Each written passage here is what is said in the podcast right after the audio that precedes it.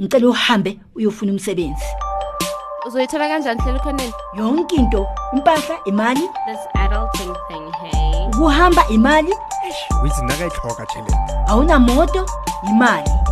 Fanele kube nemali phakathi. Sebenza. Sebenza. Sebenza. Yava mntanam? Sebenza.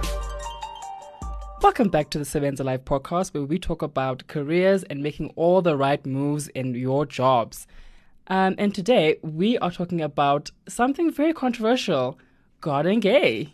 Okay, I'm with Ndokoze M as usual, but today we have a special guest, and his name goes by Siya Khumalo. Siya, how are you doing today? I'm well, thank you. Um, now, for those who don't know Usia Khumalo outside of the work that you do, and maybe they don't follow you on Twitter, where you or wherever you do share your opinions most of the time, who is Siya? Tell us about yourself. All right, I'm just gonna start at what where I've been starting the last few months. I wrote a book.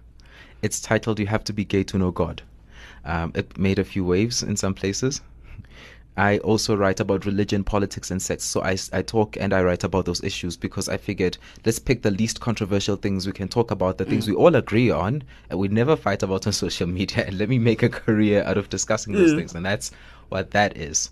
Um, outside of that, I'm a caffeine addict. who's who's experiencing Monday morning withdrawal symptoms? because- Wait. now, I asked this earlier. Are you are you the cranky type? Are you the moody type when when the coffee's not there, or what happens? I am I, I- I'm the praying type. I'm like, Lord, please get me through the next whatever it is, uh, however much time there is until I get my caffeine uh, fix. So that's the type I Is am. it that deep though? It is personal. Yo. I felt that. It is personal. yeah, here. It is like it's it's like you, you know those days. You know those days when you get into accidents and things go wrong and things are going wrong and you're sick and but I've got my coffee. So I'm coping. Other days everything's going fine, but I haven't had my coffee. Like how do people live? Without that's- that Java. Exactly. so that's who I am.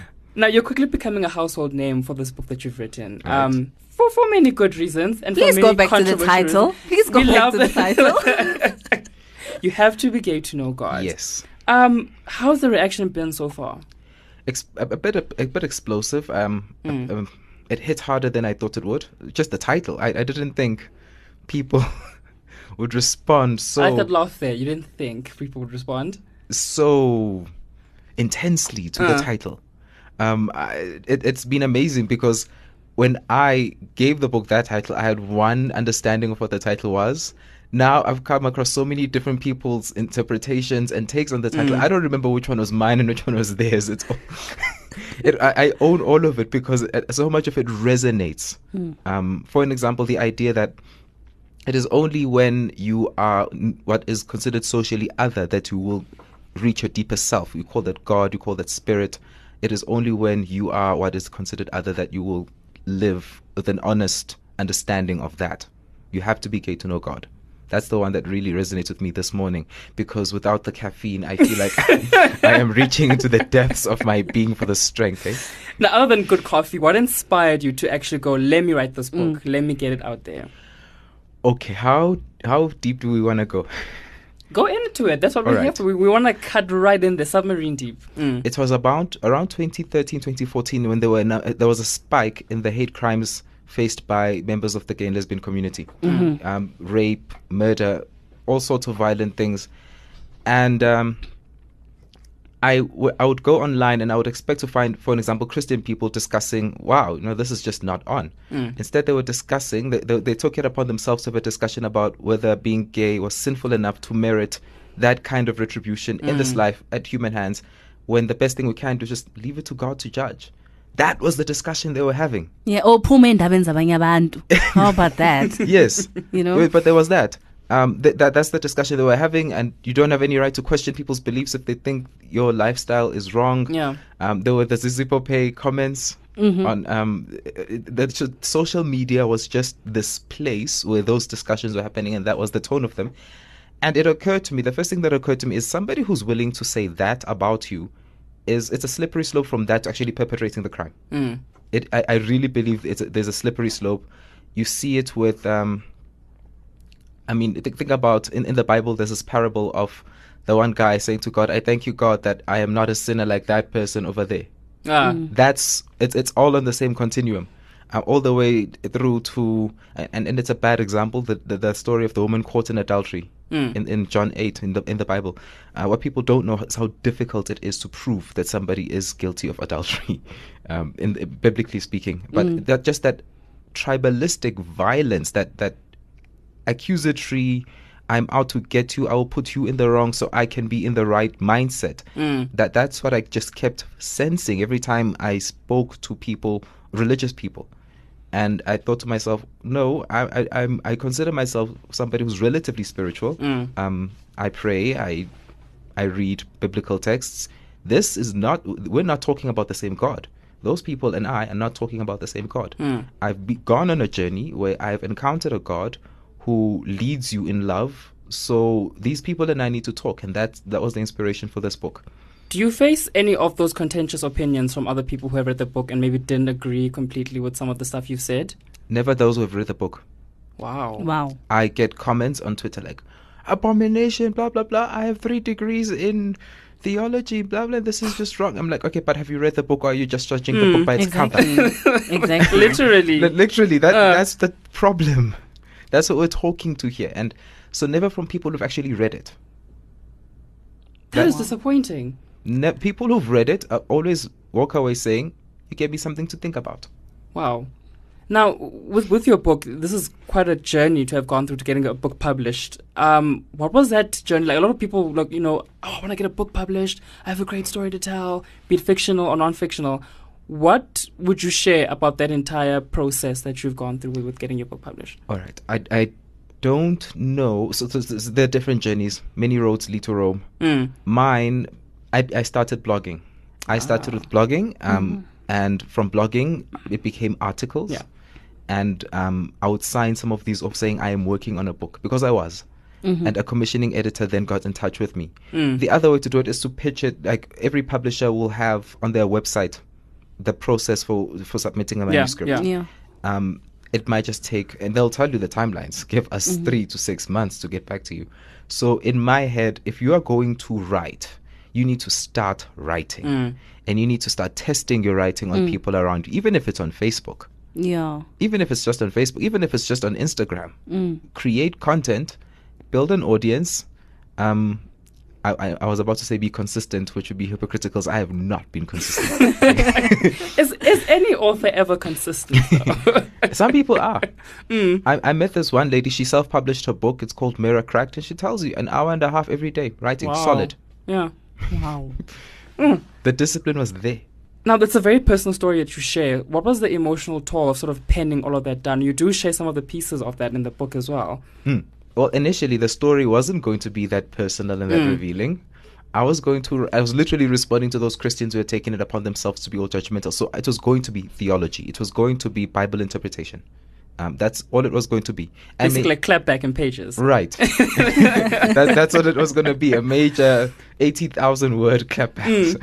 Um, then I was told, and, and in hindsight, in retrospect, this was good advice bring yourself into it, expose your heart. And initially, it's like, I have no idea how to do that. You know, when, like you always have these perfect memories and, and Yes. recollections of things until you have to write them down. Then it's like it all disappears. Then it all like, disappears. Where do I start? Yeah. Exactly. Mm. And I went through that a lot until I just I realized just start somewhere.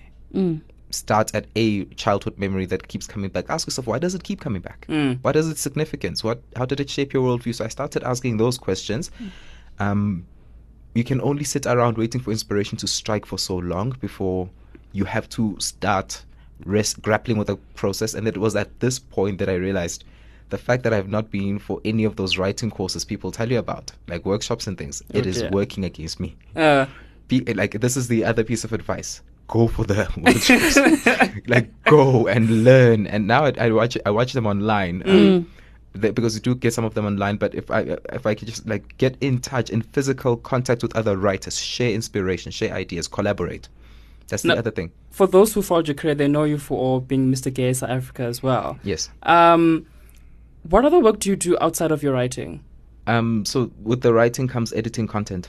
Mm. So people have things that they've written. Some of them self-publish. Some of them will submit to publishers, or will will they, they need content generated for their businesses. So I help with that. Mm. And uh, beyond that, when you kind of just sit in the entrepreneurial space, or in in a in a in a entrepreneurial headset, I guess, um, headspace. Sorry, you'll start to see gaps. You'll start to see gaps in supply chains. You'll start to see gaps where people where people don't have um, access to things they need access to. Then you realize, okay, actually, if I solve this problem, this is the revenue stream. You do that now and then. So that's what I do. I, I essentially work for myself. I freelance. I yeah. Living the life. No. people have this idea. that it's easy. Well, no, but people have this idea that Siya Khumalo is swimming in money. Uh, To which I say, I receive. I receive. I'm not, Entrepreneur. like I'm not. I'm not going to dispute the vibes people are putting out there for me. if people think I'm rich, I receive it. I receive it. I'm not going to fight. if you can outro your blog post as I'm gonna have this all published one day and you receive this that way, I think that could happen. yes. It's a possibility. Uh, yeah. Now, now, jumping back to the pageantry, a lot of people sort of look at it as it's this glamorous world, and I think we all know now that it's not. It's more than that. What do you feel, especially now with Mr. KSA or such pageants? What do you feel is really needed to, to push that and, and, and sort of change the minds of people and, and, and get people making more differences? Wow. There's a lot of questions. it was. Um, but let me try. Let me try. I think it's a learning curve for everyone, especially the consumers of pageants. Um, they don't like. There's a disconnect. I feel between what you see on a stage. So people are walking around in underwear or whatnot. There's a disconnect between that and the causes that a lot of the in, in, uh, uh, contestants are involved in. So the contestants, like there's this disconnect between yeah, we go through an interview process where you show I am worthy of entering this pageant because I volunteer here, I deal with this crisis, I deal with that crisis. Then you get onto a stage and most of that just doesn't appear. Most of what does appear is you are in underwear, you are in a suit, you are in casual wear. Mm. It's a fashion show. It is a. Hmm. There are one or two questions that you get asked, but even to an extent that is not entirely staged, but it there is there is somebody somebody is making a show. They don't want an embarrassing moment, yeah, yeah. so they, they, there are there are checks and balances put in place to make sure that nobody's caught completely off guard mm. because the audiences come for a show. So I, I wonder at what point consumers will become conscious consumers. Mm. Consumers of a pageant, of anything, you, you start wondering, well, what's the backstory? What what's the politics? Yeah, Now, one of the experiences you shared about your your, your time at Mr. KSA was when Khanyi Mbau asked you the question about, and he laughs at it now, asked you about the, the, the difficulties of being gay and black and Yes. and, and the, the, the, the tension there. she just went there. She, she really went there. I think my question here is What was the answer? What was the answer? What's yours? What was the answer? Okay, let's. Uh, do you want to Let's go. the With, yeah, let's go with Yeah. the answer first. Okay. so, so what what was, what amazed me with that question is there was no warm up, no. That's why I want to use. She Like went straight. two, three. No, no, no. Like I said, I said hi. I sat down. Boom. like, like she went straight there. Mm. And um, my answer was, with and, and and you'll experience this a lot if you look at Africa, for an example. Mm. We're all colonized, but God forbid you cross my border into my country. Because you are darker than I am, you speak a language I don't know. Yes. you you approach your ancestors and your worship in a in a way I don't know it's witchcraft Yeah. because my pastor who's reading a Bible from Europe told me it's witchcraft. So traumatized people or hurt people hurt people. Mm. And so what I see a lot in the black community is there is an expectation of ma- th- th- there's an uh, there's a masculinity that's expected of you. Like this morning, I was reading a book review by a lady named Puleng Hooper. I think it's Hooper. It's called Beauty. So the book is called Beauty's Gift. This lady Puleng writes the most astonishing book reviews on Facebook. Again, she's building an audience through her book reviews. And um, in, in Beau- I think the book was called Beauty's Gift. In Beauty's Gift, you've got friends. I think it's four or five, five friends who, or three, and one of them. It, it's the the story starts with one of them dying of AIDS, and then saying to the others, cautioning the others, don't believe everything your husband says. If he says he's being faithful, or you know that he's not being faithful, insist on condom use. So it's it's that kind of practical advice, and don't let the in-laws, don't let your in-laws push you around because when when you start going deeper into the story, um, you get in-laws who say, okay, so your husband has a side dish or another whole family didn't know about until today. Kodwa bekezela, endure it. Mm. So you get this pressure. Mm. So you, there's there's this expectation, and you see it a lot in in formerly colonized or oppressed people, where I will pass my trauma down onto you. You cannot be free. You cannot mm. be independent. You cannot live outside the picture of masculinity I expect. So in black communities, I always say it's easier to be a woman beater and to be a rapist than it is to be somebody who is lesbian or gay or any of the or- or even if you're the most loving person on earth you're you're more likely to to be accepted or that that really was the trend. It's now shifting very fast. Yeah. um where again it is traumatized people traumatizing people people doing to one another what they've had done to them. How do you feel it's shifting now, not uh, the times we're living in? I'm seeing black people who you, you know you, you used to get these people who are quiet in the mm-hmm. face mm-hmm. of abuse in the face of bullying i now see them putting their love on their front step like no your homophobia is not going to pass here today mm. your race your ra- be it racism be it homophobia be it misogyny it's not passing today not today satan like not today so I'm done with you. I'm done. Like we're done with this. We're done with this. So I'm, I'm. There's a shift. If you look online, pro uh, pro black publications, online publications that used to kind of distance themselves from queer issues, from gay issues, are now incorporating them into. I mean, it, used- there was a, a tipping point with Black Lives Matter Yeah. because with Black Lives Matter, I think it was Professor Angela Davis who said, by Black Lives Matter, you're also saying queer lives matter. You're also saying um, Muslim lives matter. You, you, you- there's so much that becomes possible because of this, and there is a shift where. I don't know if we've reached the critical masses yet, where more and more black people are saying, look, if you're going to be uh, pro black, you're going to have to be intersectional.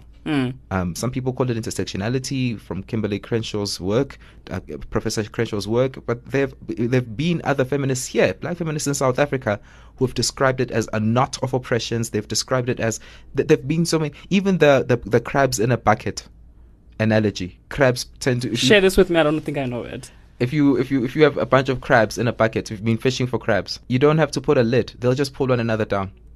They won't never they Oh, won't ever let one another escape. Yeah. So when people have been oppressed, we could be like, okay, guys, we're gonna form a human ladder out of here, mm-hmm. and then when the person, when the one one person gets to the top, we then cl- the person at the bottom starts climbing or being pulled out until everybody gets lifted up. We could be thinking that way. Mm. We could have. I mean, Belgium. Somebody sat down in Belgium and said, let's let's carve out Africa, sc- the scramble for Africa. Hmm. We've never had a reversal of that meeting. We have. n- I, I, I don't know of one. Is it the African Union? When did we sit down as African people and say, okay, th- these borders were, were, were put in place. Hmm. Let us unscrap. We never have. We've just never thought of it. Yeah. Is is even now I'm gonna touch somebody on, on their on their studio. is the concept of South Africa organic to black people? Did we come up with South Africa? Think about it. It's a geographic location, the south of Africa. We like nobody bothered to name it. Hmm.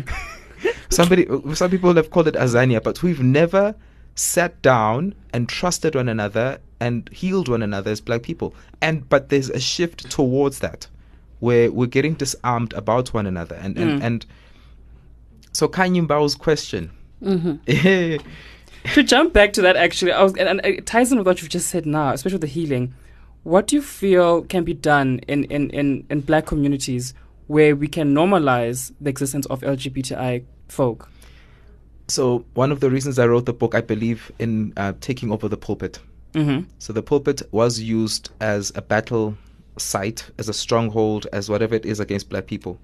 We will never heal until we take it over and put the narrative we want from the pulpit. Take back the pastors, take back the church, or, rather, turn the church from being a, a, a weapon of oppression to being an, a wep- to being an, a, a tool for empowerment. I think that's what we need to do because we're more united over Christianity than we are on any of our indigenous cultures. And this this is spiritual work. This healing is a lot deeper than economic empowerment. This we're going to now the spiritual root of how people see themselves, and that's a spiritual journey. And it, it starts when you take places or platforms that have been used to oppress and judge, and you turn those into a platform into platforms for healing, for acceptance, for recognizing the humanity in one another. That's why I wrote a book titled "We Have to Be Gay to Know God" because I I want to take this religion that was imported, that we accepted and adopted as our own, and turn it into a tool for healing. Wow. Now, there's a Siya Khumalo out there who's like, I need to have my story told as well. But they just aren't getting it there or something stopping them. What words of advice or encouragement would you give to that young person? Uh, You'll get there. Um, the, the, the, the, access to digital technology, to communication technology, almost guarantees that if you have something to say, you will sooner or later get in touch with your audience. So the next step is more difficult. You have to be authentic. Everybody can say about last night.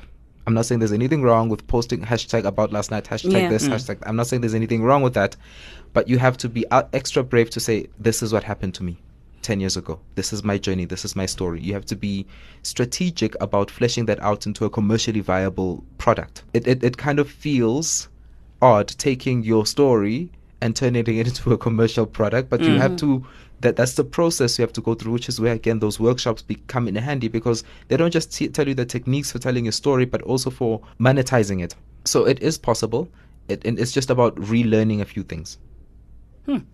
And what can people expect from you in the near future? What do we see from Siya Khumalo in 2019? Actually, before that, Mm. I would like to ask if you had to have a, like a political party, right? Right. Like own one. we were laughing about this earlier on, actually. What would you call it? And what would you deal with? Like that political party, what would you be your main things that you deal with on day to day basis?